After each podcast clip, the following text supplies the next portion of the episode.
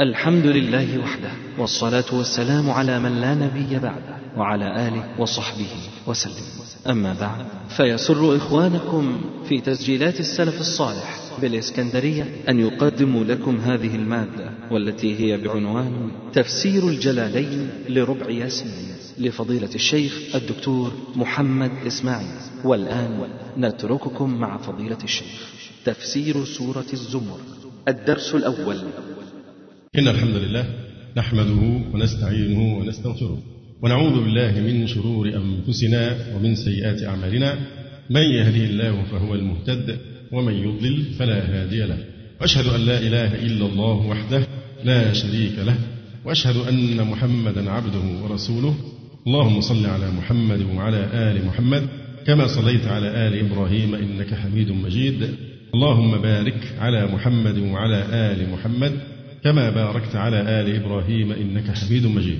أما بعد فإن أصدق الحديث كتاب الله وأحسن الهدي هدي محمد صلى الله عليه وسلم وشر الأمور محدثاتها وكل محدثة بدعة وكل بدعة ضلالة وكل ضلالة في النار. ثم أما بعد فنشرع بإذن الله تبارك وتعالى في مدرسة تفسير سورة الزمر وهي مكية إلا قل يا عبادي الذين أسرفوا على أنفسهم لا تقنطوا من رحمة الله فمدنية وهي خمس وسبعون آية. تسمى سورة الزمر لأن الله تعالى ذكر في آخرها زمرة الكفار الأشقياء مع الإذلال والاحتقار وزمر المؤمنين السعداء مع الإجلال والإكرام. أما وظيفتها فقد صح أن النبي صلى الله عليه وسلم كان يقرأ في كل ليلة بني إسرائيل والزمر. بني إسرائيل أي سورة الإسراء وأيضا سورة الزمر. أعوذ بالله من الشيطان الرجيم. بسم الله الرحمن الرحيم. تنزيل الكتاب من الله العزيز الحكيم. تنزيل الكتاب أي تنزيل القرآن مبتدأ. من الله هذا خبره. والدليل على أنه من عند الله تبارك وتعالى هو عجز الفصحاء البلغاء عن معارضته مع التحدي وتنزيل ونظائره مما يستدل به على فوقية الله تبارك وتعالى على خلقه عز وجل. تنزيل الكتاب من الله العزيز أي القوي في ملكه الحكيم في صنعه.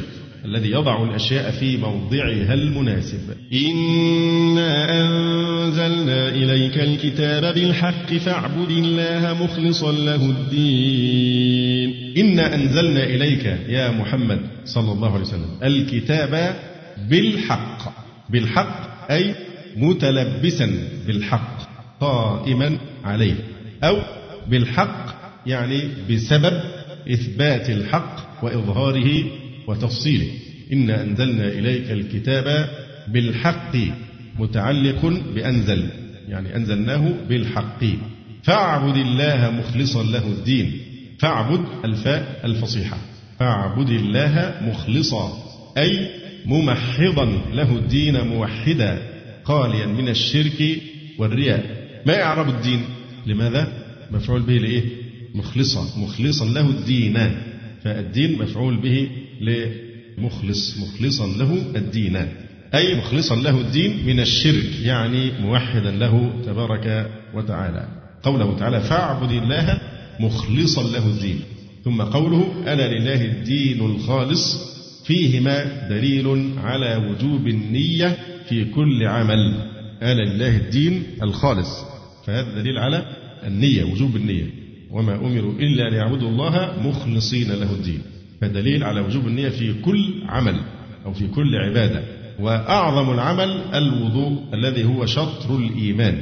وما كان ليكون كذلك ما كان الوضوء ليكون شطر الإيمان يعني نصف الصلاة ولا ليخرج الخطايا من بين الأظافر والشعر بغير نية وإلا يكون عادة لأن النية تفرق بين العادة والعبادة وتفرق بين الفرض والنفل ألا لله الدين الخالص. والذين اتخذوا من دونه أولياء ما نعبدهم إلا ليقربونا إلى الله زلفى. إن الله يحكم بينهم فيما كانوا فيه يختلفون. إن الله لا يهدي من هو كاذب كفار. ألا لله الدين الخالص. لا يستحقه غيره تبارك وتعالى. ألا أداة تنبيه واستفتاح. حروف أو أدوات التنبيه هي ها وألا وأما فألا هذه للاستقبال وتدخل كثيرا على النداء. أما ها فتدخل على الضمير وأسماء الإشارة وإن لم تكن في أول الكلام. أما أما فإنها تبني الحال والماضي كما تقول أما إن زيدا عاقل الحال ولا تقول ألا وتقول ألا إن زيدا لا يخاف يعني في المستقبل ولا تقول أما وأما هذه بالذات تدخل كثيرا على القسم يعني إذا ألا إحدى أدوات التنبيه وهي تستعمل للاستقبال ألا لله الدين الخالص وهذا الأسلوب يفيد الحصر ألا لله الدين الخالص يعني يثبت الحكم في المذكور وينفيه عن غيره. يثبت الحكم في المذكور وينتفي عن غيره. فالله سبحانه وتعالى هو المستحق للعبادة والتوحيد الخالص من الشرك والرياء لا يستحقه غيره لأنه المنفرد بصفات الألوهية والاطلاع على الأسرار والضمائر. يقول تعالى في الحديث القدسي أنا أغنى الشركاء عن الشرك من عمل عملا أشرك فيه معي غيري تركته وشركه وهذا رواه مسلم. ألا لله الدين الخالص. وقال قبلها مباشرة فاعبد الله مخلصا له الدين. الدين هنا بمعنى العبادة والطاعة. ورأس العبادة والطاعة توحيد الله عز وجل واعتقاد أنه لا شريك له. إذا ألا لله الدين الخالص يعني ألا لله وحده. الدين الخالص الصافي النقي الذي لا يشوبه شيء. ثم ذم تبارك وتعالى طريق المشركين. فقال عز وجل والذين اتخذوا من دونه أولياء والذين اتخذوا من دونه الأصنام أولياء يعني نصراء وآلهة وهم كفار مكة. ما نعبدهم إلا ليقربونا إلى الله زلفى. والذين اتخذوا من دونه الأصنام أولياء نصراء وآلهة وهم كفار مكة. ما نعبدهم إلا ليقربونا إلى الله زلفى. زلفى يعني قربى وقربى مصدر بمعنى تقريبا إلا ليقربونا إلى الله تقريبا. المقصود بالزلفى هنا التقريب. فزلفى هو عبارة عن مصدر مؤكد على غير المصدر. يعني هي إيه؟ ما نعبدهم إلا ليزلفونا إلى الله زلفى. فلذلك جاء المصدر المؤكد هنا إيه؟ من غير لفظه. جاء على المعنى. ما نعبدهم إلا ليقربونا إلى الله. لم يقل تقريبا إنما قال زلفى لأن التقريب هو نفسه الزلفى. ما نعبدهم إلا ليقربونا إلى الله زلفى. وكيف تشفع لهم هذه الآلهة وهذه الأصنام وتقربهم عند الله كما يزعمون؟ وهي عاجزة عن جلب الخير لنفسها أو دفع الضر عنها. إن الله يحكم بينهم فيما هم فيه يختلفون. إن الله يحكم بينهم وبين المسلمين بين هؤلاء المشركين وبين المسلمين الموحدين فيما هم فيه يختلفون فيه أي من أمر الدين. فيدخل المؤمنين الجنة ويدخل الكافرين النار. إن الله لا يهدي من هو كاذب كفار. إن الله لا يهدي يعني لا يوفق للاهتداء إلى الحق. من هو كاذب؟ في نسبة الولد والشريك إلى الله تبارك وتعالى كفار شديد الكفر بعبادته غير الله عز وجل. ثم رد الله سبحانه وتعالى عليهم زعمهم. لو أراد الله أن يتخذ ولدا لاصطفى مما يخلق ما يشاء. سبحانه هو الله الواحد القهار. لو أراد الله أن يتخذ ولدا كما قالوا وكما زعموا قالوا اتخذ الرحمن ولدا. لاصطفى مما يخلق ما يشاء يعني لاختار من خلقه ما يشاء. واتخذه ولدا غير من قالوا إن الملائكة بنات الله وعزير ابن الله والمسيح ابن الله. سبحانه. تنزيها له عن اتخاذ الولد. سبحانه هو الله الواحد القهار لخلقه. ثم شرع في ذكر أدلة الوحدانية وكمال القدرة وكمال الاستغناء عن كل أحد من خلقه فقال خلق السماوات والأرض بالحق إلى آخر الآيات. وقوله تعالى لو أراد الله أن يتخذ ولدا لاصطفى مما يخلق ما يشاء. يعني واتخذه ولدا غير هؤلاء الذين نسبوهم إلى الله عز وجل مثل الملائكة أو عزير أو المسيح عليه السلام. ولا يصح أن يكون المخلوق ولدا للخالق فلم يبقى إلا أن يختار ما يريده لا ما يزعمون من نسبة الولد إلى الله تبارك وتعالى. فقوله عز وجل هنا لو أراد الله أن يتخذ ولدا يعني كما زعم المشركون بأن الله تعالى اتخذ ولدا. لاصطفى لاختار واتخذ مما يخلق يعني من جنس مخلوقاته ما يشاء. ولم يخص مريم ولا عيسى ولا عزيرا بذلك. ولا خلق جنسا آخر وجنسا أعز وأكرم مما خلق واتخذه ولدا. لكنه لا يفعله لامتناعه لأن هذا مستحيل على الله سبحانه وتعالى. هذا ممتنع. والممتنع لا تتعلق به القدرة والإرادة لكن لا يشكل على ذلك قوله لو أراد. مجرد شرط ويجوز أن يعلق الشرط على المستحيل لمقصد يريده المتكلم. فتعليق الشرط لا يعني أنه يمكن أن يقع لأن اتخاذ الله عز وجل ولدا ممتنع في حقه تبارك وتعالى ويستحيل عليه عز وجل أن يتخذ ولدا. فالممتنع أي المستحيل لا تتعلق به القدرة والإرادة. وبتقسيمات علماء الكلام للأحكام العقلية. بيقولوا إيه؟ الأحكام العقلية الواجب الوجود وهو الله سبحانه وتعالى والجائز أو الممكن والممتنع أو المستحيل. لما بنفسر قوله تعالى إن الله على كل شيء قدير بنقول على كل شيء إيه؟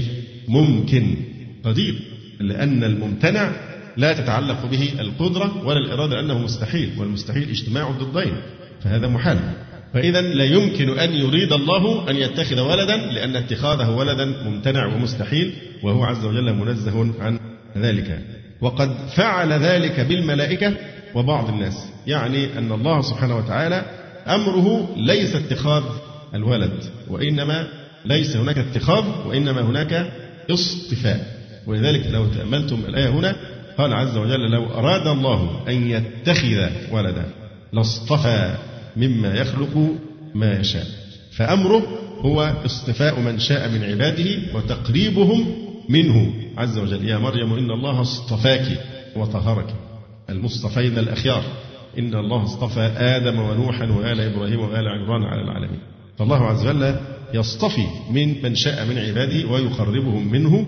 عز وجل وقد فعل ذلك بالملائكة وبعض الناس. الله يصطفي من الملائكة رسلا ومن الناس. ولذلك وضع الاصطفاء مكان الاتخاذ فقال لاصطفى مما يخلق ما يشاء. وقوله عز وجل لو أراد الله أن يتخذ ولدا هذا شرط لا يلزم وقوعه ولا جوازه. كون يقول لو أراد الله ده أسلوب شرط. فهذا الشرط ليس معناه أنه ممكن الوقوع. واضح؟ فهذا شرط لا يلزم وقوعه ولا جوازه بل هو محال. وإنما استعمل الله عز وجل أسلوب الشرط هنا بقصد تجهيلهم فيما زعموه. كما قال لو أردنا أن نتخذ لهوا لاتخذناه من لدنا إن كنا فاعلين. مع أن الله سبحانه وتعالى يستحيل عليه اللهو سبحانه وتعالى عن ذلك. وقال تبارك وتعالى قل إن كان للرحمن ولد فأنا أول العابدين. على خلاف في تفسيرها كما ذكرنا. قل إن كان للرحمن ولد على القول بأن إن هنا شرطية. لكن إن قلنا إنها نافية وهذا هو الراجح فيعني ما كان للرحمن ولد. لكن هذا على الوجه اللي هو إيه؟ قل إن كان للرحمن ولد فأنا أول العابدين. بمعنى فأنا أول الإيه؟ العابدين المستنكفين عن إله يكون له ولد. أو فأنا أول العابدين على تقدير وقوعه ووقوعه مستحيل. لأن الله منزه عن اتخاذ الولد. إذا كل هذا من باب الشرط ويجوز تعليق الشرط على المستحيل لمقصد يقصده المتكلم. لو أراد الله أن يتخذ ولدا لاصطفى أي لاختار من خلقه ما يشاء.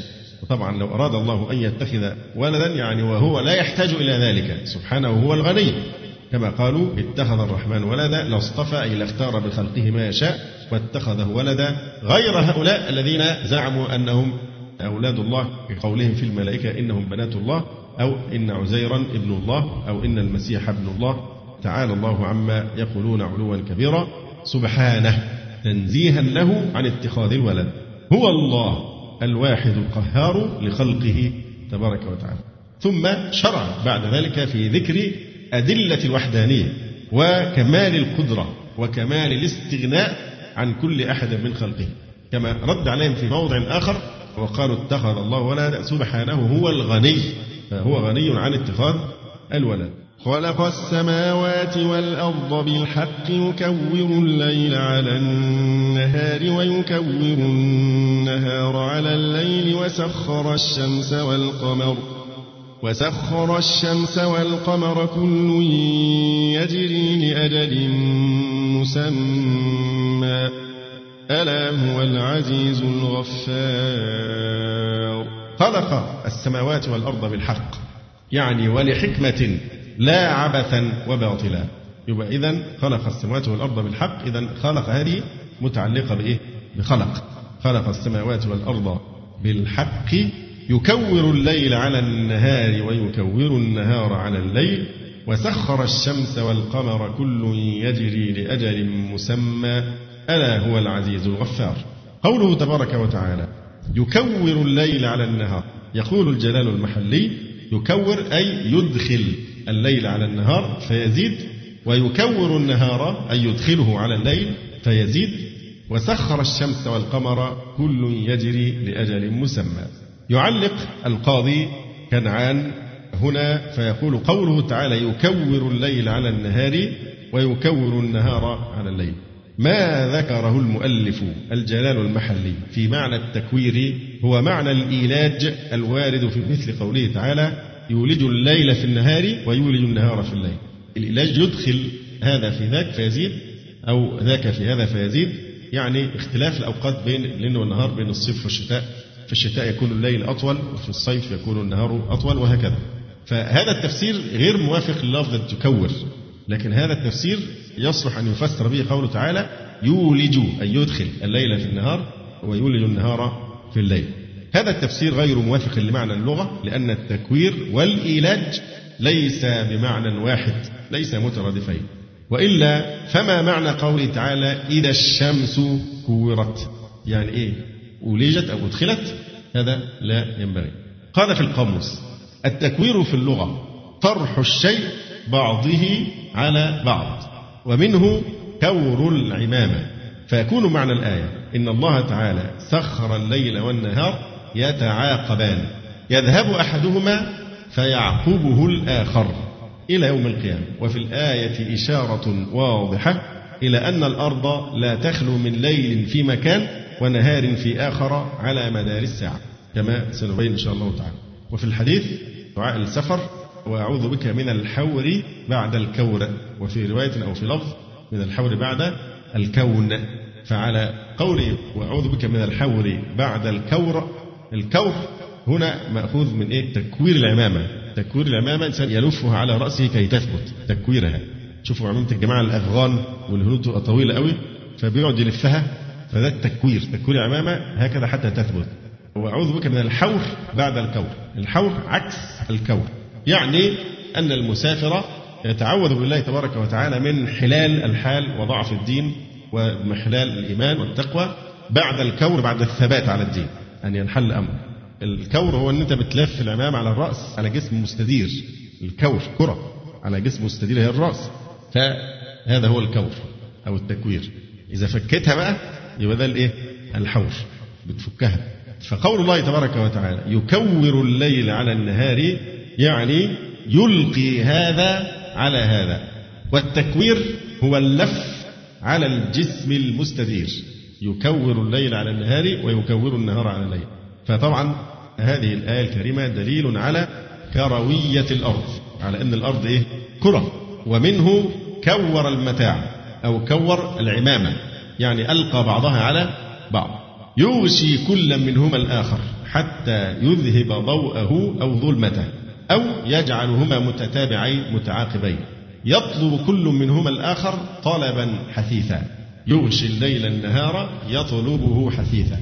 ويولج الليل في النهار ويولج النهار في الليل. إذا هذه الآية الكريمة يكور الليل على النهار ويكور النهار على الليل.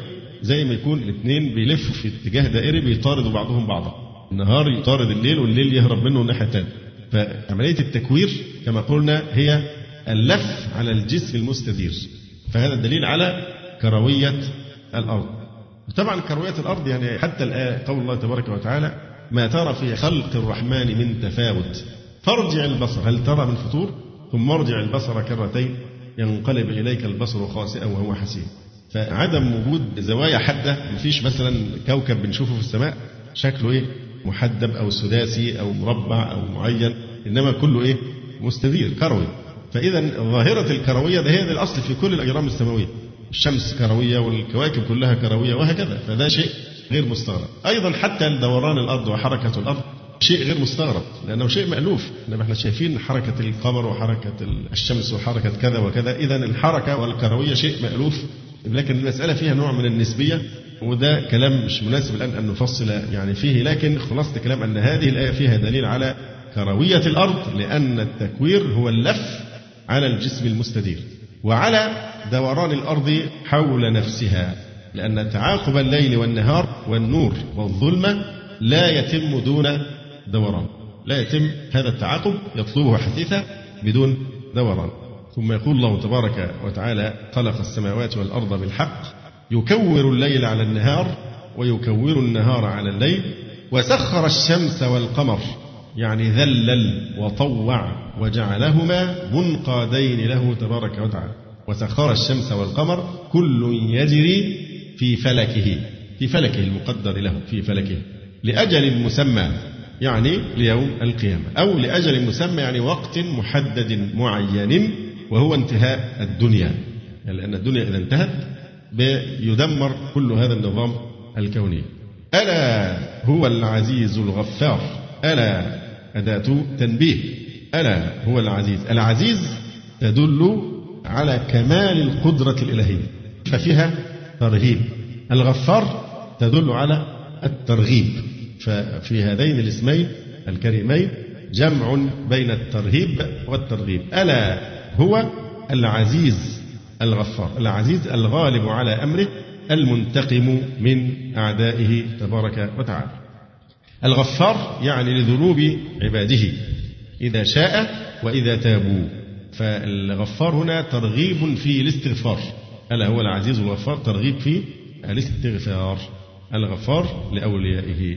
ثم يقول تبارك وتعالى خلقكم من نفس واحدة ثم جعل منها زوجها وأنزل لكم من الأنعام ثمانية أزواج يخلقكم في بطون أمهاتكم خلقا من بعد خلق في ظلمات ثلاث. ذلكم الله ربكم له الملك لا إله إلا هو فأنا تصرفون. ألا ألا هو العزيز الغفار؟ كما قلنا هي أداة تنبيه. تصدرت هذه الجملة لإظهار مدى الاهتمام بها والاعتناء بفحواها. ألا يعني معناها هي ألا؟ انتبهوا انتبهوا. ألا هو العزيز الغفار فهو مبتدأ والعزيز خبر. طيب أمال إعراب الغفار إيه؟ خبر ثاني. يبقى إذا العزيز خبر أول الغفار خبر ثاني. وكما أشرنا لفظة الغفار تدل على كثرة الرحمة. فكثرة الرحمة إذا تعلق بها العباد ولم ينتبهوا إلى العمل فهذا نوع من الاغترار. وغركم بالله الغرور. وإنما لابد من الانتباه إلى أن كثرة الرحمة لا تعني الطمع دون فعل. لا تعني الطمع في رحمة الله دون فعل. وإنما توجب الرحمة الرجاء والرغبة في طلب المغفرة بالعبادة والإخلاص لله عز وجل. خلقكم من نفس واحدة ثم جعل منها زوجها وأنزل لكم وأنزل لكم من الأنعام ثمانية أزواج يخلقكم في بطون أمهاتكم خلقا من بعد خلق في ظلمات ثلاث. ذلكم الله ربكم له الملك لا إله إلا هو فأنا تصرفون. هنا ثلاث قراءات. يخلقكم في بطون إمهاتكم. هذه قراءة حمزة. إمهاتكم. أما قراءة الكسائي إمهاتكم بفتح الميم المشددة. أما الباقون فقد قرأوها أمهاتكم. يبقى إميهاتكم وإمهاتكم وأمهاتكم. لكنهم أجمعوا على ضم الهمزة وفتح الميم عند البدء بأمهاتكم. إذا بدأت بأمهاتكم فلا بد من إيه؟ من ضم الهمزة وفتح الميم. أمهاتكم. قوله تعالى خلقكم من نفس واحدة. يعني خلقكم على اختلاف أجناسكم وألسنتكم وألوانكم لكن مع هذا التنوع العجيب في صفات البشر وأنواعهم وأجناسهم وألوانهم وألسنتهم لكنهم كلهم مخلوقون من نفس واحدة. كما قال تعالى يا أيها الناس اتقوا ربكم الذي خلقكم من نفس واحدة. أي آدم عليه السلام من نفس واحدة أي آدم من غير أب وأم. آدم هو النفس الواحدة من غير أب وأم ثم جعل منها زوجها. خلقكم من نفس واحدة أي آدم من غير أب وأم. ثم جعل منها زوجها أي حواء ليحصل التناسل منهما. قوله ثم جعل منها زوجها. يعني ثم جعل أي خلق حواء منه. أي من مين؟ من آدم عليه السلام أو من جنسه ثم شعب الخلق منهما. طبعا في الحديث أن حواء خلقت من إيه؟ من ضلع من آدم عليه السلام. ثم جعل منها زوجها أي خلق حواء منه من ضلع أو من جنسه. من جنسه يعني إيه؟ إنسان مثله مش جن ولا غيره. يبقى ممكن نقول بقى ثم جعل منها يعني يعني خلق حواء منه من آدم أو من جنسه. من جنسه يعني إيه إنسان. ومن آياته أن خلق لكم من أنفسكم من نفس جنسكم الآدمي الإنسان يعني ثم جعل منها زوجها يعني حواء ثم شعب الخلق منهما. ثم جعل نسله من سلالة من ماء مهين هو الأصل الخلق آدم من طين. لكن بعد كده التناسل تم بإيه؟ بالأسباب المعتادة الآن وهي أب وأم. كلمة ثم هنا هي تدل على التراخي لكن لابد من الانتباه إلى شيء مهم جدا. لما تتأملوا الآية قوله تعالى خلقكم من نفس واحدة. ثم جعل منها زوجها. هل خلقنا نحن أولا ثم جعل منها زوجها؟ لا طبعا. فهنا ثم هنا صحيح تفيد التراخي لكنها تفيد التراخي في الحال والمنزلة لا التراخي في الوجود. لأن الترتيب أنه خلق آدم ثم حواء ثم بعد ذلك حصل التناسل ووجد إيه؟ خلقنا نحن. فانتبهوا لهذا. خلقكم من نفس واحدة من آدم عليه السلام ثم جعل منها زوجها فهنا تراخي في الحال والمنزلة لا من التراخي في الوجود لأننا خلقنا بعد ولم نخلق قبل. لأن كلمة ثم كما تكون للترتيب في الزمن مع التراخي تكون أيضا لمطلق الترتيب كما هنا للترتيب اللي هو يشمل الحال أو المنزلة. والمعطوف عليه هنا مقدر هو خلقها. المعطوف عليه مقدر هو خلقها وأنزل أي خلق أو قضى لكم وقسم لأن قضاياه وقسمه موصوفة بالنزول من السماء حيث كتب في اللوح كل كائن يكون أو أحدث لكم بأسباب نازلة كالأمطار وكذا وكذا وأنزل لكم من الأنعام يعني أن قضايا الله سبحانه وتعالى توصف بأنها منزلة لأن كل القضاء والقدر مكتوب في اللوح المحفوظ فكتب فيه كل كائن يكون أو أنزل لكم من الأنعام يعني أحدث لكم بأسباب نازلة كالأمطار وغيرها. وأنزل أي خلق لكم من الأنعام الإبل والبقر والغنم. الغنم طبعا هي الضأن والمعز. ثمانية أزواج من كل زوجين ذكرا وأنثى كما في سورة الأنعام. والزوج اسم لكل واحد معه غيره. فإن انفرد فهو فرد. يخلقكم في بطون أمهاتكم خلقا من بعد خلق. يخلقكم يعني يبتدئ خلقكم ويقدره في مراحل متدرجة من الخلق. هل خلقنا في بطون أمهاتنا؟ بيكون المولود مثلا الطفل المولود هذا الرضيع هل هو بيخلق فجأة ولا يخلقكم في مراحل متدرجة؟ كما هو معروف في علم الأجنة. يخلقكم يعني يبتدئ خلقكم ويقدره في مراحل متدرجة من الخلق كما فصل ذلك في آيات عدة يخلقكم في بطون أمهاتكم خلقا من بعد خلق أي بالتدرج نطفا ثم علقا ثم مضغا في ظلمات ثلاث وهي ظلمة البطن وظلمة الرحم وظلمة المشيمة وإن كان المتحمسون لقضية الإعجاز العلمي يعدون هذه الآية إحدى آيات الإعجاز العلمي لأن فعلا هذا ثابت في الناحية التشريحية أن الجنين يحاط بثلاثة أغشية. فهي معروفة عند من يدرس التشريح أو علم الأجنة أنها في طبقات ثلاثة محيطة بالجنين ففعلا هي ثلاث طبقات. عبر عنها هنا في قولهم بأنها في ظلمات ثلاث. ذلكم أي الذي هذه أفعاله الله ربكم. له الملك لا إله إلا هو إذ لا يشاركه في الخلق غيره. لا إله إلا هو كما أن له الخلق ينبغي أن يكون له الأمر والعبادة. ذلكم الله ربكم هنا استدلال بالربوبية على الألوهية. وهذا أحد أساليب القرآن الكريم في إثبات توحيد الألوهية أن يسرد آيات الربوبية ويقررهم بما يعتقدون وأنه لا خالق إلا الله ولا رازق إلا الله إلى آخره. فيلزم من ذلك أنه كما لا يخلق إلا هو ينبغي ألا يعبد إلا هو عز وجل. ذلكم الله. ربكم له الملك. لا إله إلا هو. إذ لا يشاركه في الخلق غيره فينبغي ألا يعبد غيره تبارك وتعالى. فأنا أي كيف تصرفون أي يعدل بكم عن عبادته إلى عبادة غيره عز وجل. بالنسبة لقوله تعالى في ظلمات ثلاث هي الظلمات الثلاث في علم الأجنة بتسمى باللغة العربية الغشاء المنباري والخربون والغشاء اللفائفي يعني لمن أراد أن يعرف أسماء هذه الظلمات الثلاث وهذا شيء معروف علميا.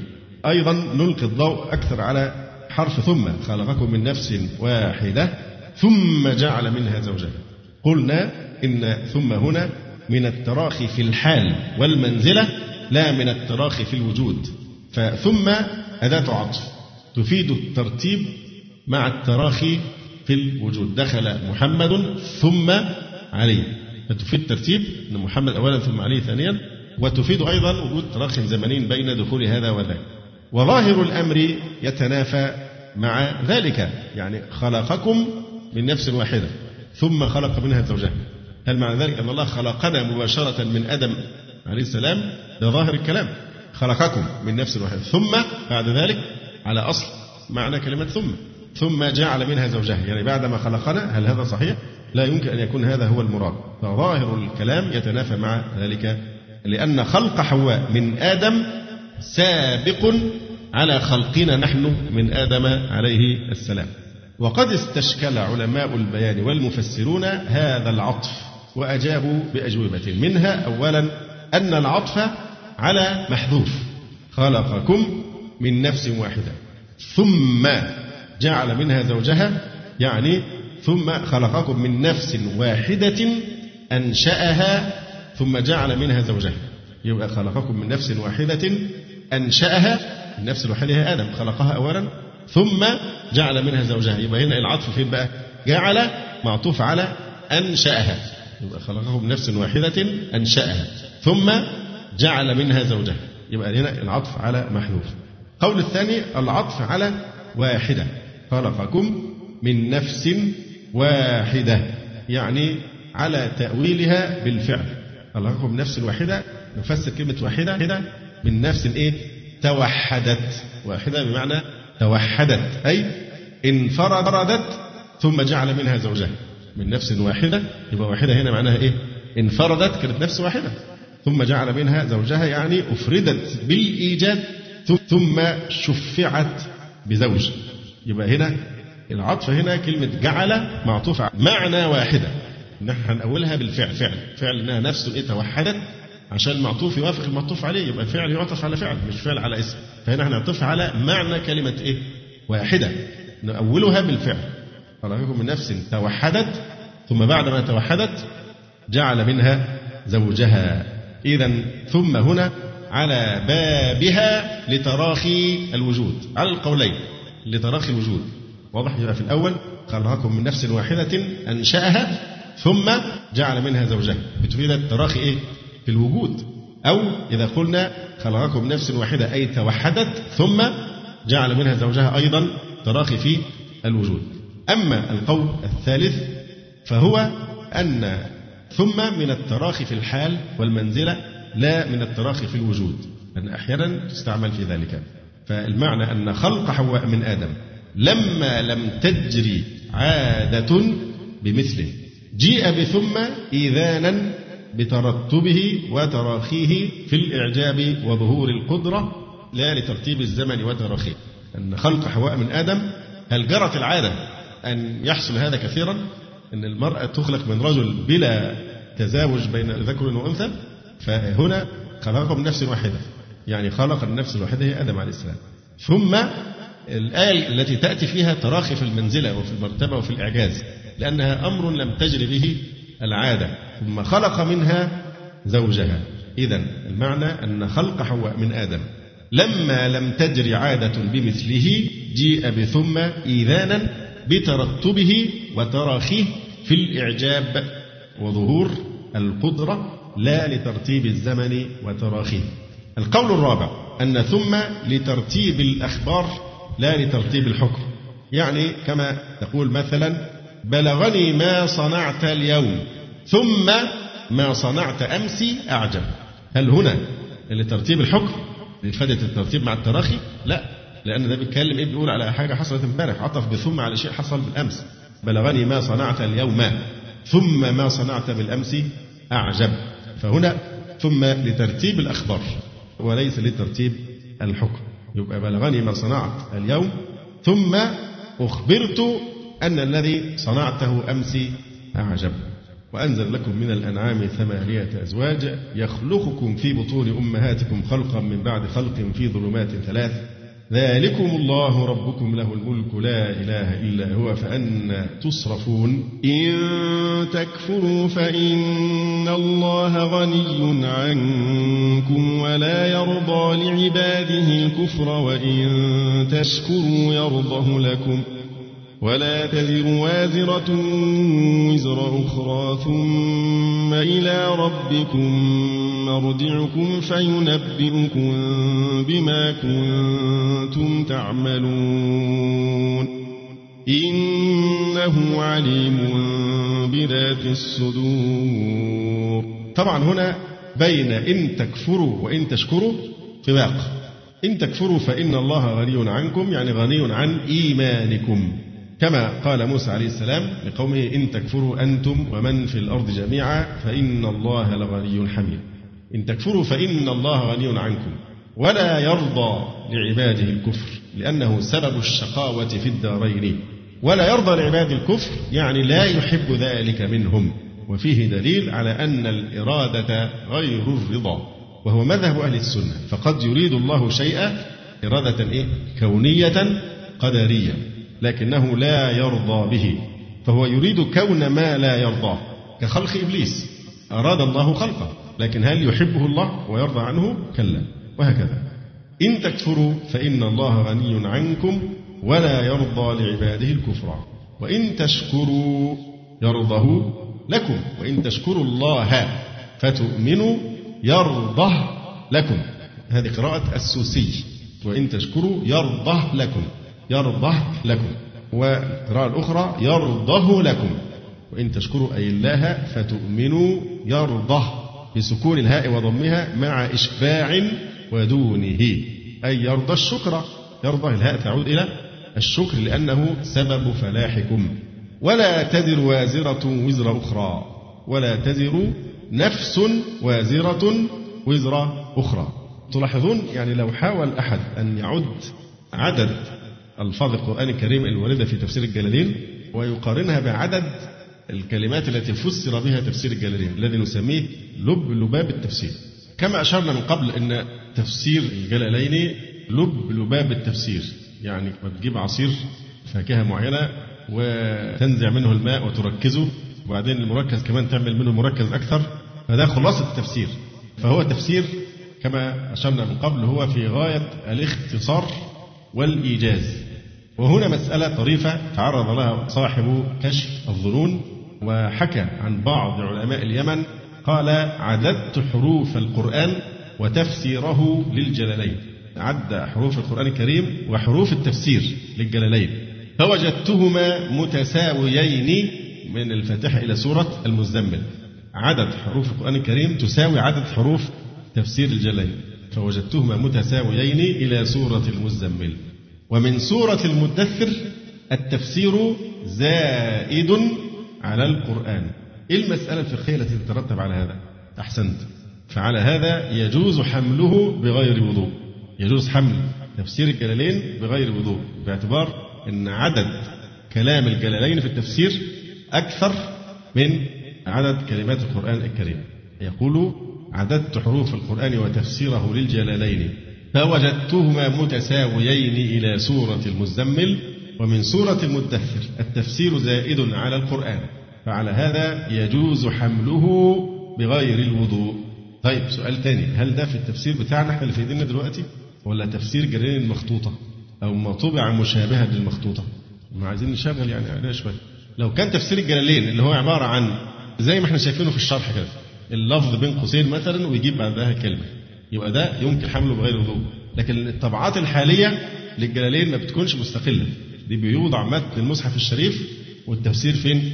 في الحواشي فهل يجوز حمل هذا بغير وضوء؟ لا لأن الغالب هنا الإيه؟ القرآن الكريم القرآن موجود كامل غير مختلط بالتفسير. في المتن نفسه صلب الصفحة لكن إحنا بنتكلم على تفسير الجلالين فقط اللي هو مسرود سردا كما نقرأه بدون المتن بتاع المصحف حتى يتميز هذا من ذلك على أي الأحوال هو يعني أكثر من يستفيد من لب لباب التفسير العارفون المطلعون. لأنه أشبه شيء برؤوس الأقلام التي يتذكر بها العارف ما سبق أن علمه وحفظه فهو تذكرة للمنتهي أكثر منه سلما للمبتدئ فلا تستهينوا بتفسير الجليل تفسير الجليل كتاب له ثقل علمي كما ترون. قوله تبارك وتعالى إن تكفروا فإن الله غني عنكم ولا يرضى لعباده الكفر وإن تشكروا يرضه لكم أو يرضه لكم. أو يرضه لكم. يعني الشكر. ثم شرع سبحانه وتعالى في بيان مبدأ المسؤولية الفردية الشخصية في الدنيا والآخرة. وهذا المبدأ هو من مفاخر الإسلام إقرار مبدأ المسؤولية الفردية. حتى إن هذه الآية وردت في القرآن الكريم خمس مرات. ولا تزر وازرة وزر أخرى. بجانب المرات الأخرى التي جاءت فيها آيات في نفس معناها كقوله تعالى كل امرئ بما كسب رهين كل نفس بما كسبت رهينة وكل إنسان ألزمناه طائره في عنقه. فإذا هنا شرع الله سبحانه وتعالى بعد ذلك في إثبات وإقرار مبدأ المسؤولية الفردية أن كل إنسان مسؤول عن أفعاله ولا تزر وازرة وزر أخرى يعني من معانيها أنه لا إرث للخطيئة. كما تقوم عليه الملة النصرانية المحرفة. العقيدة قائمة أساسا على الاعتقاد في الخطيئة الأصلية التي يزعمون أن الله سبحانه وتعالى لم يتب على آدم حينما فعلها في الجنة وأنه أهبط إلى الأرض ملوثا بهذه الخطيئة. وإن البشرية كلها ترث هذه الخطيئة إلى أن حصل صلب مزعوم ليفدي الناس إلى آخر هذا الكلام. وهو طبعا مقتبس من عقائد الوثنيين سواء البراهمة أو قدماء المصريين أو غيرها وهذا بحث مستقل وفيه مؤلفات مستقلة تثبت الأصول الوثنية لهذا الاعتقاد. فلا إرث للخطيئة ولا تزر وازرة. ولا تزر وازرة يعني لا تزر نفس وازرة. لا تزر نفس وازرة يعني آثمة وزر أخرى. وزر أي ذنب نفس أخرى أي لا تحمله. ثم إلى ربكم مرجعكم. فينبئكم بما كنتم تعملون إنه عليم بذات الصدور. من يعرب مرجعكم؟ مبتدأ مؤخر. والخبر شبه جملة اللي هو مقدم. إلى ربكم. خبر مقدم. فينبئكم بما كنتم تعملون بالمحاسبة والمجازاة. إنه عليم بذات الصدور أي بما في القلوب. لا تخفى عليه خافية من أعمالكم. وإذا مس الإنسان ضر دعا ربه منيبا إليه ثم إذا خوله نعمة منه نسي ما كان يدعو نسي ما كان يدعو إليه من قبل وجعل لله أندادا ليضل عن سبيله. قل تمتع بكفرك قليلا إنك من أصحاب النار. يقول وإذا مس الإنسان ضر. واو هنا استئنافية. وإذا مس الإنسان أي الكافر ضر شدة. دعا ربه تضرع. منيبا أي راجعا إليه. ثم إذا خوله نعمة أعطاه إنعاما وملكه. نعمة منه نسي ترك ما كان يدعو يتضرع إليه من قبل أي من قبل النعمة وهو الله سبحانه وتعالى. وجعل لله أندادا ليضل عن سبيله وهنا قراءتان ليضل عن سبيله وليضل عن سبيله. قل تمتع بكفرك قليلا إنك من أصحاب النار. شرع تبارك وتعالى هنا في بيان تناقض الكافر. برجوعه إلى الله سبحانه وتعالى وقت الشدة وتركه عز وجل ونسيانه وقت الرخاء بخلاف حال المؤمنين الذين يمتثلون قول النبي صلى الله عليه وسلم تعرف إلى الله في الرخاء يعرفك في الشدة. وهذا كقوله تعالى وإذا مسكم الضر في البحر ضل من تدعون إلا إياه فلما نجاكم إلى البر أعرضتم وكان الإنسان كفورا. وقال تعالى وإذا مس الإنسان الضر دعانا لجنبه أو قاعدا أو قائما فلما كشفنا عنه ضره مر كأن لم يدعنا إلى ضر مسه. وقال تعالى إن الإنسان لربه لكنود. وإذا مس الإنسان كما قلنا الواو استئنافية. الإنسان أي الكافر ضر هذا هو الفاعل. ضر يعني شدة. دعا ربه تضرع. ما إعراب دعا. هي جملة يعني فعل وفعل. في محل حاجة؟ ليه هذه الجملة لا محل لها من الإعراب؟ لماذا هذه الجملة؟ اللي هي جواب الشرط ليست في محل جزم. أيوة لأن إذا أداة شرط غير جازمة. إذا لا تجزم. يبقى وإذا مس الإنسان ضر دعا هذه الجملة لا محل لها لأنها جواب شرط غير جازم. دعا ربه تضرعا منيبا راجعا إليه. ثم إذا خوله أعطاه نعمة إنعاما وملكه نعمة منه نسي نسي هو بمعنى ترك. ساعات النسيان تأتي بمعنى ضد التذكر وأحيانا بمعنى إيه؟ الترك. نسي ما كان يدعو إليه. في التفسير بنقول إيه؟ نسي من كان يدعو إليه. نسي من؟ يعني نسي الله عز وجل. نسي الله في الإيه؟ في الرخاء. يبقى نسي أي ترك ما كان يدعو يتضرع إليه من قبل أي من قبل النعمة. في الضر والشدة كان يدعو. فإذا حصل النعمة يحصل البطر ونسيان الله تبارك وتعالى. نسي ما كان يدعو يتضرع إليه من قبل أي النعمة وهو الله. فما في قوله نسي ما في موضع من. وجعل لله أندادا. بمعنى ليس هذا فقط مش بس بينسى. الله سبحانه وتعالى ده بيضيف إليها جريمة أخرى. ينسى الله الذي كان يدعوه من قبل النعمة في وقت الشدة. ليس هذا فحسب بل يجعل له أندادا وجعل لله أندادا شركاء. ليضل عن سبيله. على قراءة ليضل هي لام الإيه؟ ليضل عن سبيله. هي على كل الأحوال هي لام الإيه؟ العاقبة. لا ليضل عن سبيله أي دين الإسلام. قل قل لمن هذه حاله؟ تمتع بكفرك قليلا أي بقية أجلك. تمتع بكفرك قليلا بقية أجلك. وهذا الأمر أمر تهديد. فيه إشعار بأن الكفر نوع تشه لا سند له وإقناط للكافر من التمتع في الآخرة. ولذلك علله بقوله إنك من أصحاب النار. هذا استئناف على سبيل المبالغة. إذا قوله تعالى قل تمتع قل لمن هذه حاله. تمتع بكفرك قليلا يعني بقية أجلك. فهذا أمر تهديد وفيه إشعار بأن الكفر نوع تشهن اتباع للشهوة فقط والهوى ولا سند له. تمتع كما يتمتع بما تشتهيه. تمتع بكفرك قليلا فيه إشعار بأن الكفر نوع تشه لا سند له. وفيه أيضا إقناط للكافر من التمتع في الآخرة لأن الدنيا سجن المؤمن وجنة الكافر في الآخرة ما له من خلاق ولا نصيب. فهنا إقناط للكافر من التمتع في الآخرة فتمتع قليلا. ولذلك علل هذا الأمر التهديدي بقوله إنك من أصحاب النار فهذا استئناف على سبيل المبالغة.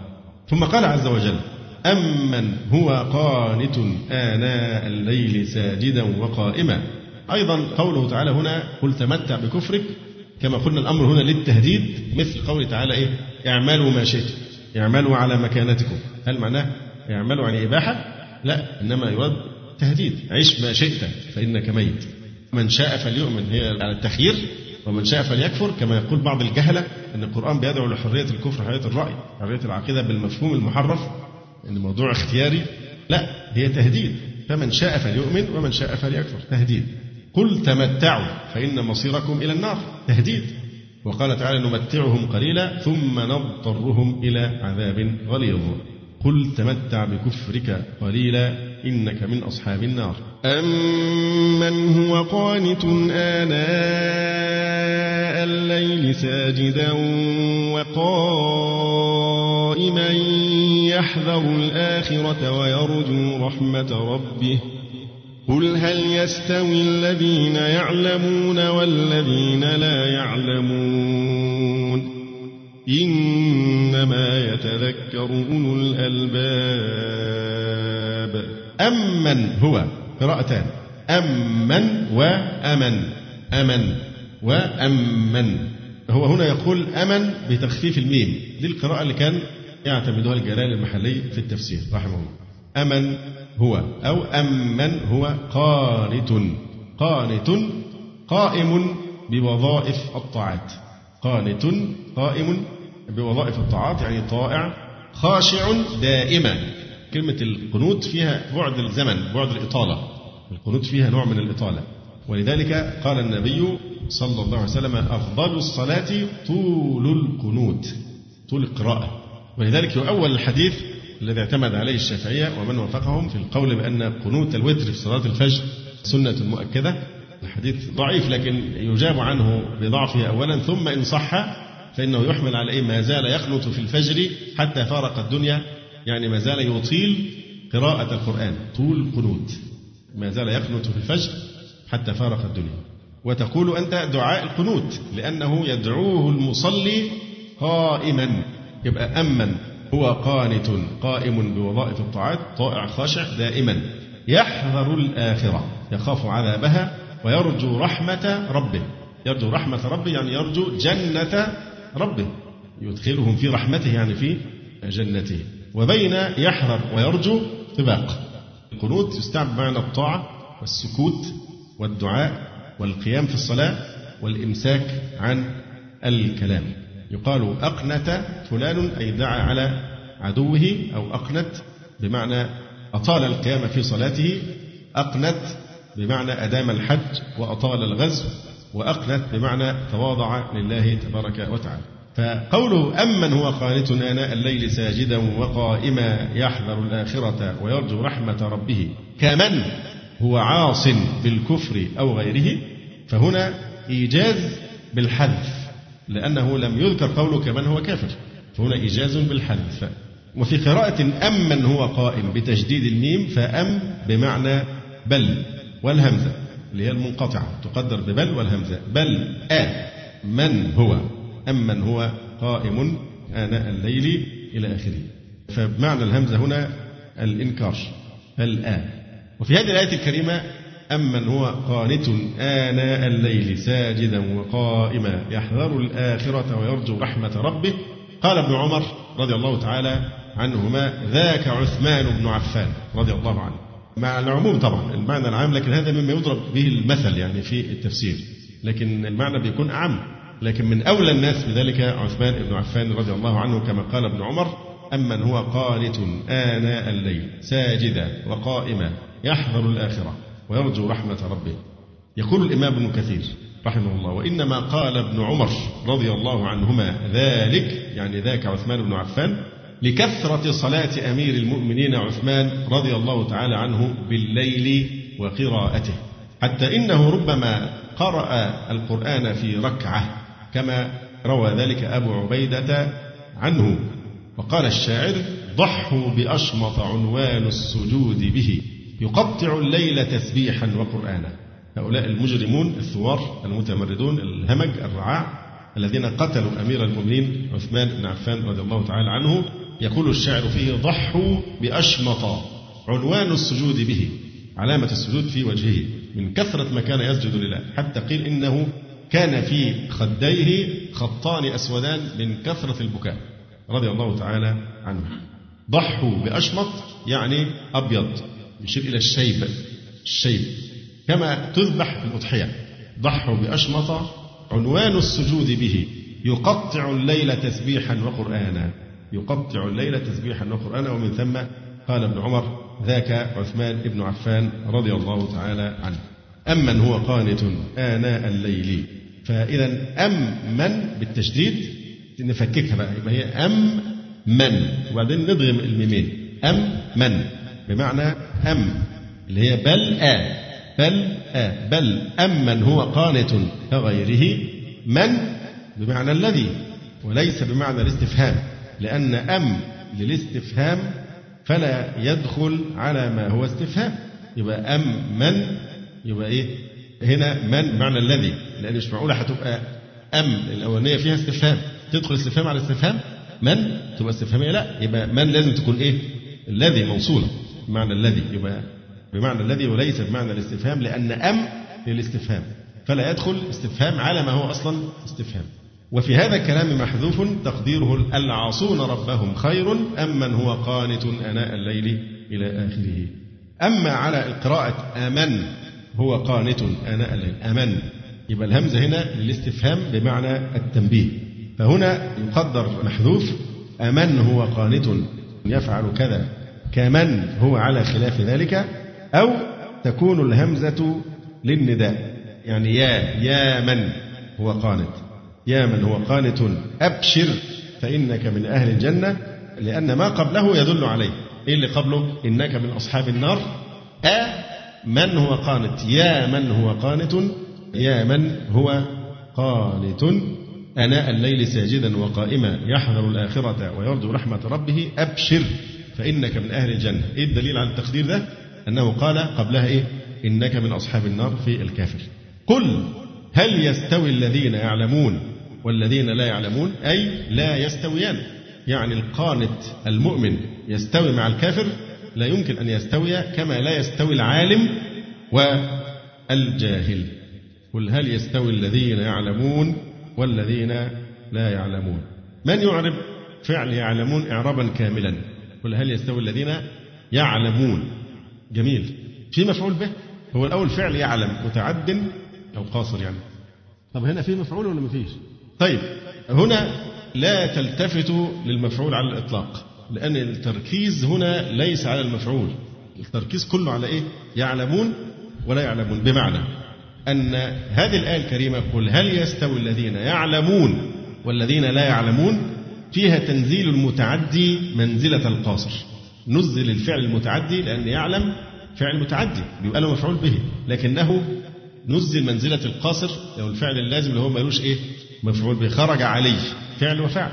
إنما علمت الدرس فدي متعدي. لكن هنا فعل يعلمون نزل مع أنه متعد منزلة الفعل القاصر ولا يقدر المفعول في قوله يعلمون لأن المقدر كالموجود أي قل هل يستوي من ثبتت له حقيقة العلم ومن لم تثبت له؟ والاستفهام إنكاري بمعنى لا يستويان لأن المقصود بيان ثبوت الفعل للفاعل لا بيان وقوعه على المفعول المقصود من السياق هنا كل التركيز على إيه ثبوت صفة العلم لا بيان وقوع هذا الفعل على مفعول المقصود بيان ثبوت الفعل للفاعل لا بيان وقوعه على المفعول وإيضاح الفرق بين المنزل وغيره أن قولك مثلا يعني الفعل الذي ينزل منزلة المتعدي والذي ينزل منزلة الإيه؟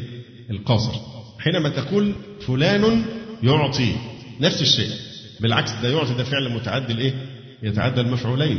إن أعطيناك الكوثر. صح؟ الكوثر مفعول ثاني فأنت هنا حينما تقول فلان يعطي. هنا متعد لكنه ينزل منزلة القاصر. لأن المقصود من قولك فلان يعطي بيان كونه معطيا. أنه إنسان كريم وجواد وسخي. فلان يعطي. فيكون كلاما مع من جهل أصل الإعطاء. شخص ما بيعرفش الإنسان كريم فيقول لا ده فلان يعطي فأنت بتركز على صفة الإيه؟ الإعطاء. وليس المقصود بيان كونه معطيا ماذا؟ في هذا العطاء. ويكون كلاما مع من ثبت له أصل الإعطاء لا مع من جهل إعطاؤه. فإذا قولك فلان يعطي لبيان كونه معطيا. فيكون كلاما مع من جهل أصل الإعطاء. لا لبيان كونه معطيا ويكون كلاما مع من ثبت له أصل الإعطاء لا مع من جهل إعطاؤه. يعني يستعمل هكذا وهكذا. لكن هنا لما تقول فلان يعطي المقصود إثبات إيه؟ صفة الإعطاء وأصل الإعطاء. فإذا هل يستوي الذين يعلمون والذين لا يعلمون؟ لا نقدر هنا مفعولا به. لماذا؟ لأن المقدر كالموجود. لأن المعنى قل هل يستوي من ثبتت له حقيقة العلم؟ ومن لم تثبت له والجواب لا يستويان فلذلك الاستفهام إنكاري. قل هل يستوي الذين يعلمون والذين لا يعلمون؟ إنما يتذكر يتعظ أولو الألباب أصحاب العقول. إنما كافة ومكفوفة. لا عمل إنما. يقول أبو حيان رحمه الله تعالى دلت الآية على أن كمال الإنسان محصور في هذين المقصودين العلم والعمل.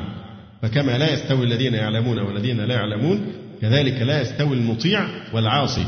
والمراد بالعلم هنا ما أدى إلى معرفة الله ونجاة العبد من سخطه. علم الآخرة العلم النافع. طبعا إنما يتذكر أولو الألباب أصحاب العقول هذه جملة مستأنفة. مسوقة لبيان عدم تأثير ما تقدم من قوارع وزواجر في قلوبهم لاختلال عقولهم. ثم يقول عز وجل قل يا عبادي الذين آمنوا اتقوا ربكم للذين أحسنوا في هذه الدنيا حسنة وأرض الله واسعة إنما يوفى الصابرون أجرهم بغير حساب. قل يا عبادي الذين آمنوا اتقوا ربكم يعني اتقوا عذاب ربكم بأن تطيعوه. نلاحظ هنا أنه خاطب المؤمنين قل يا عبادي الذين آمنوا آمنوا اتقوا. فأمرهم أن يضموا إلى الإيمان التقوى والتقوى هي امتثال المأمورات واجتناب المنهيات. مما يدل على أن الإيمان بمعنى التصديق وحده لا يكفي كما يدل على أن الإيمان يبقى مع المعصية وإن كان المعصية تنقص الإيمان. قل يا عبادي الذين آمنوا اتقوا ربكم أي عذابه بأن تطيعوه. للذين أحسنوا في هذه الدنيا حسنة في هذه الدنيا بالطاعة حسنة هي الجنة. طيب بين أحسنوا وحسنة. إيه؟ جناس اشتقاق. الذين أحسنوا حسنة. هذا جناس اشتقاق. طيب كلمة في أو حرف في يتعلق بإيه؟ يتعلق حسب المعنى بقى. لما نقول للذين أحسنوا في هذه الدنيا حسنة يبقى الجزاء بتاعهم فين؟ في الدنيا. الذين أحسنوا وبعدين نقول إيه؟ جزاء الذين أحسنوا في الدنيا هنا حسنة.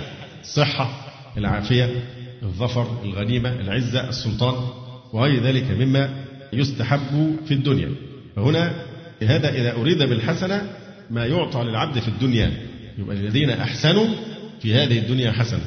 يجازون هنا في هذه الدنيا حسنة. قول الثاني إنها تتعلق بأحسنوا. للذين أحسنوا في هذه الدنيا يعني الذين أحسنوا أثناء وجودهم في هذه الدنيا بالأعمال الصالحة في الدنيا حسنة أي الجنة في الآخرة. للذين أحسنوا في هذه الدنيا التي هي دار العمل حسنة هي الجنة. وهذا القول أوجه أوجه وأقرب لأن الدنيا ليست بدار جزاء وإنما دار امتحان وابتلاء. الذين أحسنوا في هذه الدنيا حسنة هي الجنة. وتنكير حسنة لتعظيمها وللدلالة على كمالها حسنة. عظيمة وكاملة. الذين أحسنوا في هذه الدنيا حسنة هي الجنة. وأرض الله واسعة. يعني من عانى في مكان من أرض الله عز وجل فليس معذورا بالتضييق عليه لأن في إمكانه أن ينتقل إلى أرض الله الواسعة. ومن يهاجر في سبيل الله يجد مراغما كثيرا وسعا. وأرض الله واسعة إشارة إلى الهجرة لأن الهجرة فيها مخرج لمن يضيق عليه في أرض فإن أرض الله كما قال الله سبحانه وتعالى واسعة ولذلك يعاتب هؤلاء الذين إن الذين توفاهم الملائكة ظالمي أنفسهم. قالوا فيما كنتم؟ قالوا كنا مستضعفين في الأرض. قالوا ألم تكن أرض الله واسعة فتهاجروا فيها؟ فهذا ترغيب في الهجرة من أجل إقامة الدين. هذا في حق من ضيق عليه في بلده. وأرض الله واسعة فهاجروا إليها من بين الكفار ومشاهدة المنكرات. إنما يوفى الصابرون أجرهم بغير حساب. إنما يوفى الصابرون على الطاعة وعلى الهجرة من الأوطان وما يبتلون به أجرهم بغير حساب بغير مكيال ولا ميزان. قال النحاس لفظ صابر يمدح به. إذا قلت فلان صابر فإنها تنصرف إلى من صبر عن المعاصي والشهوات. صابر عن المعاصي والشهوات. لكن إذا أردت صابر على المصيبة تقول إنه صابر على فقد ولده صابر على كذا. ده كلام النحاس. لفظ صابر يمدح به وإنما هو لمن صبر عن المعاصي. وهذا هو الاستعمال هنا. إنما يوفى الصابرون أجرهم بغير حساب.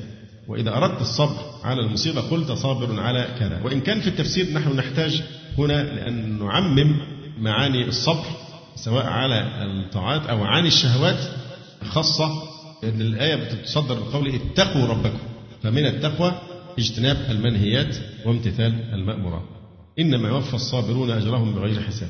يقول بعض المفسرين ولو لم يكن في الصبر إلا هذه الآية لو لم يكن في ثواب الصبر إلا هذه الآية لكان في ذلك كفاية. اللي هي إنما يوفى الصابرون أجرهم بغير حساب. لأن الصابر المحتسب الأجر عند الله سبحانه وتعالى يصبر على البلاء ولا يدري متى ينتهي البلاء ومتى يرفع. فهو ينوي أن يصبر إلى الأبد حتى لو بقيت المحنة إلى الأبد. فلذلك يثاب بالنية. إنما الأعمال بالنيات. لما نوى الصبر إلى ما شاء الله يعني كان الجزاء من جنس العمل. إنما يوفى الصابرون أجرهم بغير حساب. يقول العلماء الصبر مر لا يتجرعه إلا حر وقال بعضهم إذا نزل بك أمر مهم فانظر. فإن كان لك فيه حيلة فلا تعجز وإن كان مما لا حيلة فيه فلا تجزع. من تجزع وتعجز حاجة اسمها قلب البعض نوع من أنواع الجناس عند أهل البديع. تجزع وتعجز. إذا نزل بك أمر مهم فانظر فإن كان لك فيه حيلة فلا تعجز. قوم قوم القدر بقدر آخر. إن كان لك فيه حيلة فلا تعجز. وإن كان مما لا حيلة فيه ميت المات مثلا ولا حيلة في إحيائه مثلا فلا تجزع يعني اصبر. يقول القاضي كنعان هنا معلقا على قوله تعالى إنما يوفى الصابرون أجرهم بغير حساب. لقد مدح الله تعالى الصابرين وأجزل لهم الثواب وجعل أجرهم بغير حساب. إن الصبر رفيق الإيمان وإن المؤمن وحده هو الذي يعرف المعنى الصحيح للصبر.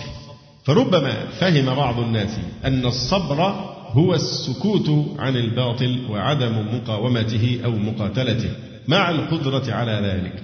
وهذا خطأ فاحش. فليس الصبر استسلاما ولا سكوتا ولا خضوعا. لقد أمر الله تعالى رسوله والمؤمنين بالصبر في كل موقف عصيب شديد ومن أهم تلك المواقف أولا القتال. فقد أمر الله تعالى بالصبر في الحرب فقال يا أيها الذين آمنوا اصبروا وصابروا ورابطوا واتقوا الله لعلكم تفلحون.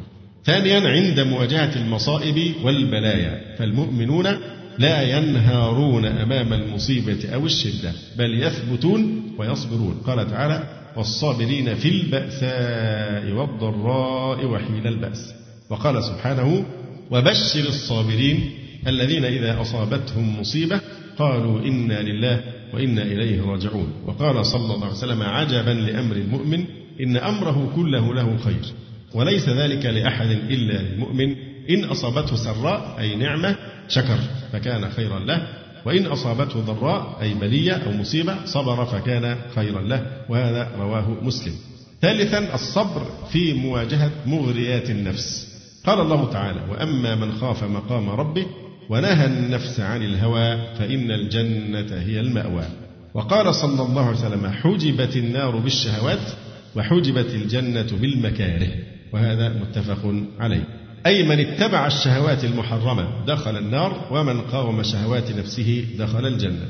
وقال الله تعالى حكاية عن لقمان الحكيم وهو ينصح ولده يا بني أقم الصلاة وأمر بالمعروف وانهى عن المنكر واصبر على ما أصابك إن ذلك من عزم الأمور.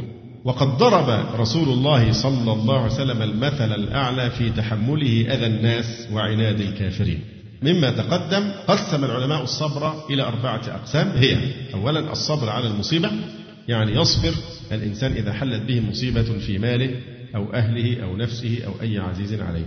ثانيا الصبر على طاعة الله تعالى بأن يصبر على عمل ما كلفه الله به فيصبر على أداء الصلاة في البرد والسفر والمرض ويتحمل مشقة الصيام في شهر رمضان خاصة في أيام الحر وفي البلاد الحارة ويدفع الزكاة. وغير ذلك من الطاعات بلا ضجر ولا ملل. ثالثا الصبر عن معصية الله تعالى بأن يصبر عن فعل المحرمات فيمتنع عنها ولو كانت سهلة قريبة المنال بسبب كثرة الفساد. فيترك شرب الخمور والزنا ويقاوم شهواته ويضغط على نفسه ويردعها عن فعل المحرمات وبذلك يكون قويا بطلا قال العلامة ابن الوردي في لاميته واهجر الخمرة إن كنت فتى. كيف يسعى في جنون من عقل. ليس من يقطع طريقا بطلا. إنما من يتقي الله البطل.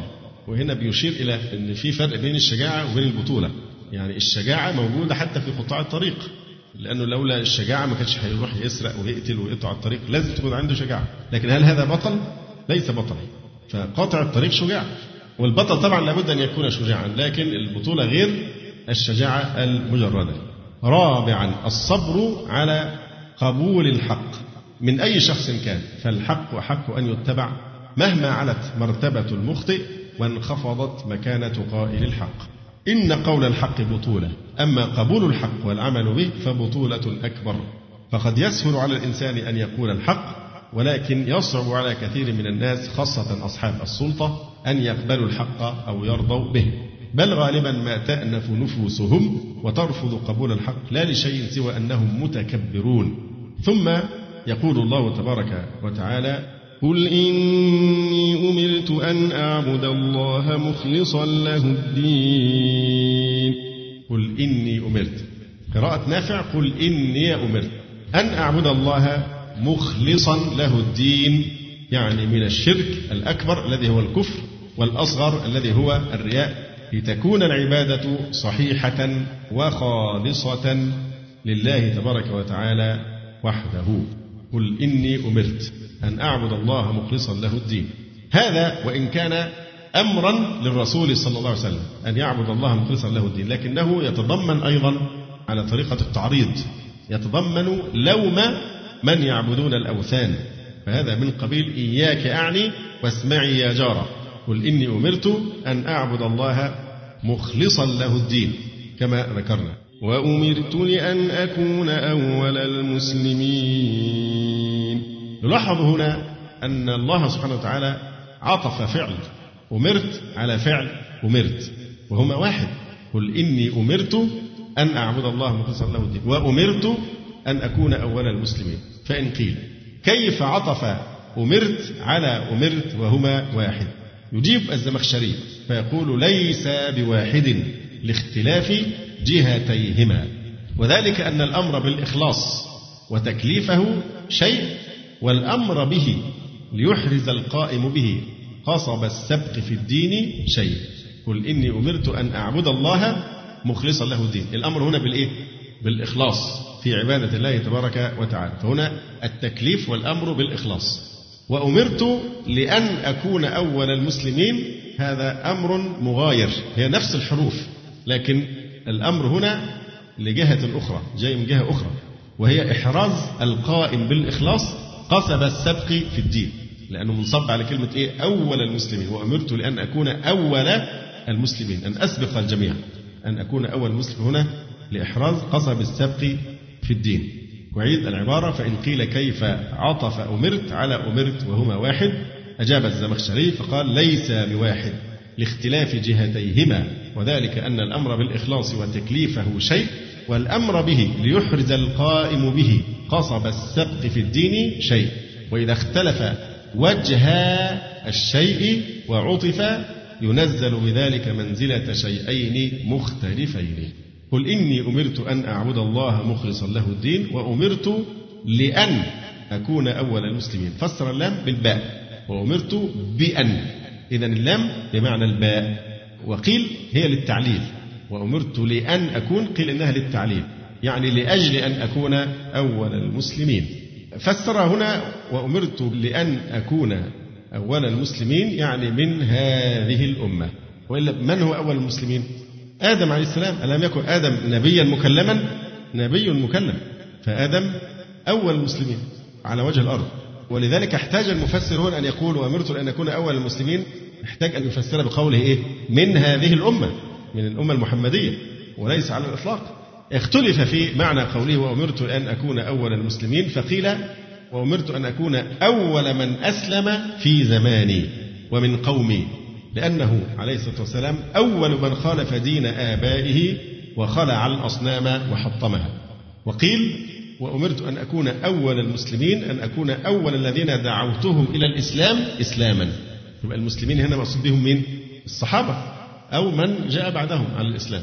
أمرت أن أكون أول المسلمين يعني الإيه؟ من أكون أول الذين دعوتهم إلى الإسلام إسلاما وهذا فعلا كان واقعا.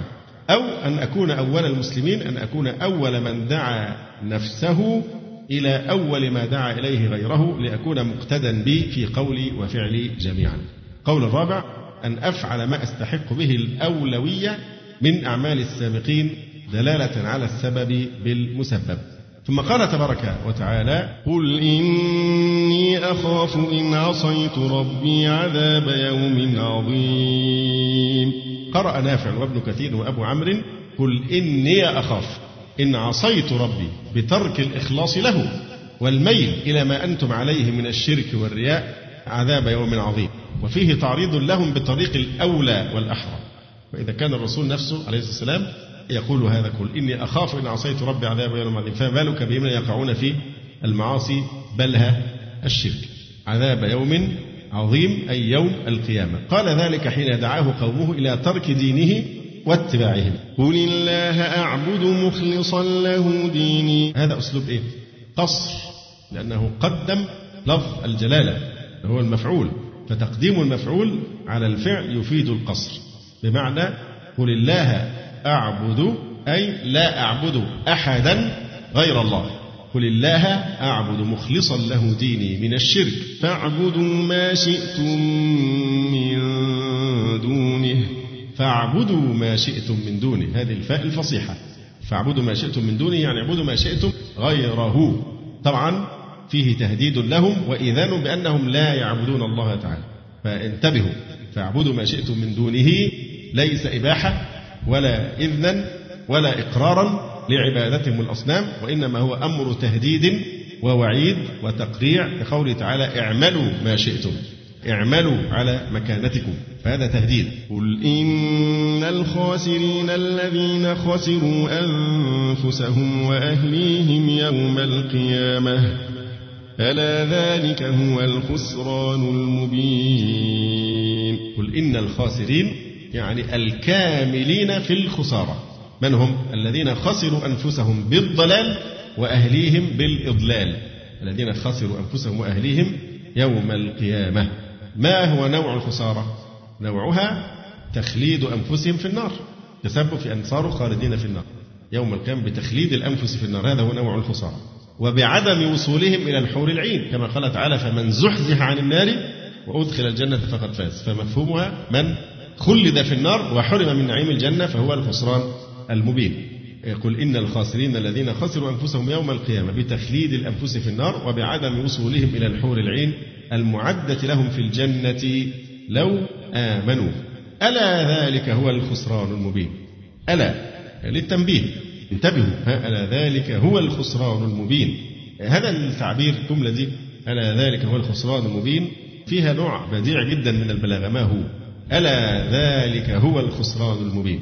التهويل فقد جعل الجملة مستأنفة لأنه بدأ بإيه؟ بأداة الاستفتاح. ألا ذلك هو الخسران استأنف الجملة ولم يجعلها تابعة لما قبلها كأن هي دي يعني المقصودة بالكلام. استأنف الجملة. ثم صدرها بحرف التنبيه. ألا يعني انتبهوا. ووسط ضمير الفصل بين المبتدأ والخبر. ألا ذلك هو الخسران المبين. ما قالش ذلك الخسران؟ وسط ضمير الفصل هو بين المبتدأ والخبر. ألا ذلك هو الخسران المبين. لم يقل ألا ذلك خسران مبين وإنما قال الخسران عرف الخسران. كأنه مما تعورف أمره. خسران المعهود المعروف. فكأنه مما تعورف أمره واشتهر هوله. ثم وصفه الخسران بالمبين أي البين الواضح. لماذا بين واضح؟ لأنه لا مجال فيه لتعويض الخسارة. أي خسارة أخرى ممكن تعوض. من خسر المال يعقبه مال ولدا يرزق ولدا آخر. مرض خسر الصحة تعود له الصحة.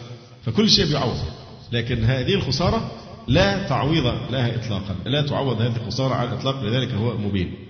فوصف الخسران بأنه مبين جعل خسرانهم غاية في الفظاعة ونهاية في الشناعة.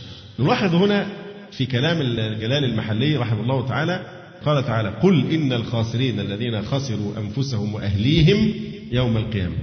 إحنا قلنا خسروا أنفسهم بالضلال وخسروا أهليهم بالإضلال. لكن في الحقيقة في تفسير آخر لكلمة أهليهم يرشحه قوله فيما بعد بتخليد الأنفس في النار وبعدم وصولهم إلى الحور العين المعدة لهم في الجنة لو آمنوا. فدي بتشير إلى تفسير ثاني لكلمة أهليهم بقى. مش هنقول بقى بالإضلال لكن نقول أهليهم المعدة لهم لو كانوا آمنوا اللي هي الحور العين. ولذلك قال ابن عباس رضي الله عنهما ليس من أحد إلا وخلق الله له زوجة في الجنة فإذا دخل النار خسر نفسه وأهله أهله اللي هي الزوجة التي عدها الله له في الجنة. فيبقى هنا الأهل هنا هو مين؟ الحور العين التي كانت معدة لهم لو فعشان كده يبقى المفروض نفسر بقى عشان في تناسق في التفسير. خسروا أنفسهم وأهليهم الحور العين التي كانت معدة لهم لو كانوا آمنوا لأن كل إنسان له مقعد في الجنة ومقعد في النار. فالكافر حينما يدخل النار من الذي يرث مقعده في الجنة؟ المؤمن. والمؤمن مقعده في النار يرثه المين الكافر. وهذا قوله تعالى أولئك هم الوارثون الذين يرثون الفردوس هم فيها خالدون. معنى الوارثون. أن المؤمن يرث مقعد الكافر في الجنة.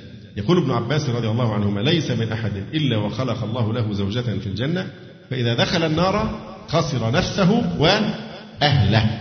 ألا ذلك هو الخسران المبين. ثم يقول تبارك وتعالى مبينا تفاصيل هذا الخسران. لهم من فوقهم ظلل من النار ومن تحتهم ظلل. ذلك يخوف الله به عباده. يا عباد فاتقون. لهم من فوقهم ظلل ومن تحتهم ظلل. بين من فوقهم ومن تحتهم إيه؟ طباق. وقوله تعالى لهم من فوقهم ظلل يعني طباق يعني طبقات. طبقات من النار. هذه الطبقات متراكمة. طبقات بعضها فوق بعض. وظلل جمع ظلة. لهم من فوقهم طبقات من النار متراكمة من النار الملتهبة عليهم تحيط بهم من كل جانب. كما قال تعالى لهم من جهنم مهاد ومن فوقهم غواش وقال تعالى يوم يغشاهم العذاب من فوقهم ومن تحت أرجلهم ويقول ذوقوا ما كنتم تعملون. لهم من فوقهم ظلل من النار. طبعا هذا أسلوب تهكمي لأن إطلاق الظل على النار المحرقة تهكم.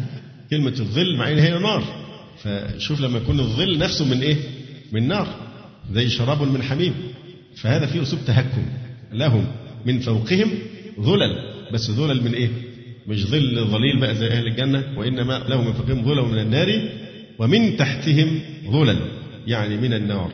يعني ليه قال من تحتهم ظلل؟ لأنها تظلل من تحتها من أهل النار. لأن النار عبارة عن طبقات تذهب إيه؟ سفلا والجنة درجات تذهب علوا. كلما صعدت كلما كانت أعلى وأحسن.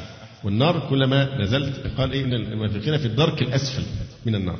فلذلك قال ومن تحتهم ظلل لأنها تظلل من تحتها من أهل النار ففي كل طبقة من طبقات النار طائفة من طوائف الكفار. ذلك يخوف الله به عباده. يعني ذلك العذاب هو الذي يخوف الله به عباده أي المؤمنين ليتقوه طيب ليه قلنا عباده المؤمنين؟ ما ممكن عباد تشمل جميع الناس. لا الذي يدل على أن المراد عباده المؤمنين قوله تعالى إيه؟ يا عبادي فاتقون. فلذلك قال هنا ذلك العذاب هو الذي يخوف الله به عباده أي المؤمنين ليتقوا. يدل عليه يا عبادي فاتقون. فاء الفصيحة. فاتقون والنون هنا نون الوقاية. فاتقون. أين المفعول به؟ آه يبقى المفعول به هنا يا المتكلم. فاتقوني. لكنها محذوفة. فالمفعول به يا المتكلم المحذوفة. يا عبادي فاتقون. هنا نختم بفائدة مهمة جدا وهو أن تحذير الله سبحانه وتعالى عباده. ذلك يخوف الله به عباده مع أنه تخويف وترهيب لكن هو داخل في ضمن نعم الله على عباده المؤمنين. من نعم الله عز وجل أنه يخوفهم ويحذرهم وينذرهم. فإذا هذا التخويف نعمة عظمى صادرة من فيض رحمة الله وفضله. حتى لا يفاجأ الناس بالعذاب ومن أنذر فقد أعذر من يأتينا بدليل على هذا المعنى تكلمنا فيه من قبل. الأول هو في سورة إيه؟ أحسنت. في سورة الرحمن. كمل بقى. ما وجه النعمة فيه أحسنت فعلا.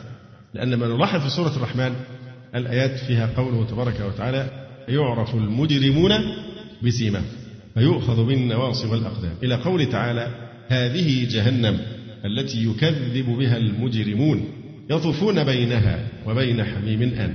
فبأي آلاء ربكما تكذبان؟ هذه جهنم نحن نعرف أن في سورة الرحمن كرر كثيرا قوله تعالى إيه فبأي آلاء ربكما تكذبان؟ وقال النبي صلى الله عليه وسلم من الصحابة رضي الله عنهم إيه؟ لقد قرأتها أي سورة الرحمن.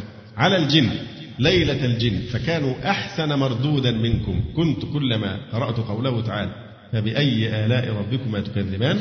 أجابوا ولا بشيء من نعمك ربنا نكذب فلك الحمد. فآلاء ربك يعني بنعم ربك. فكما قلنا من قبل إنه يحتمل أنها للتأكيد أو تكون للإيه؟ للتأسيس. تأسيس معنى جديد. وده الراجح أنه متى ما دار الكلام بين التأسيس والتوكيد فإنه يترجح حمله على التأسيس لأن فيه إضافة معنى جديد. فبأي آلاء ربكم تكذبان تشير إلى النعمة المذكورة في الآيات التي قبلها مباشرة على أنها نعمة من نعم الله. إذا يلزم من هذا أن الوصف جهنم والتخويف بجهنم هي من رحمة الله بالعباد. هذه جهنم التي يكذب بها المجرمون يطوفون بينها وبين حميم آن. فبأي آلاء ربكما تكذبان؟ لما كان معاقبة العصاة المجرمين وتنعيم المتقين من فضله ورحمته وعدله ولطفه بخلقه وكان إنذاره لهم عذابه وبأسه مما يزجرهم عما هم فيه من الشرك والمعاصي وغير ذلك قال ممتنا بذلك على بريته فبأي آلاء ربكما تكذبان؟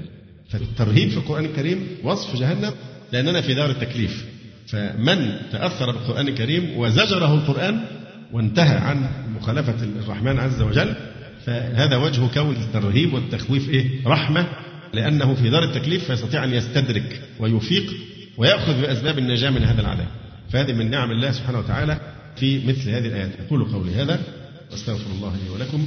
سبحانك اللهم ربنا وبحمدك أشهد أن لا إله إلا أنت أستغفرك وأتوب إليك. وفي الختام تقبلوا تحيات إخوانكم في تسجيلات السلف الصالح بالإسكندرية. هاتف رقم صفر ثلاثة فاصل أربعة تسعة أربعة سبعة ستة خمسة اثنان والتليفون محمول صفر عشرة واحد ستة أربعة واحد تسعة ثمانية صفر والسلام عليكم ورحمة الله وبركاته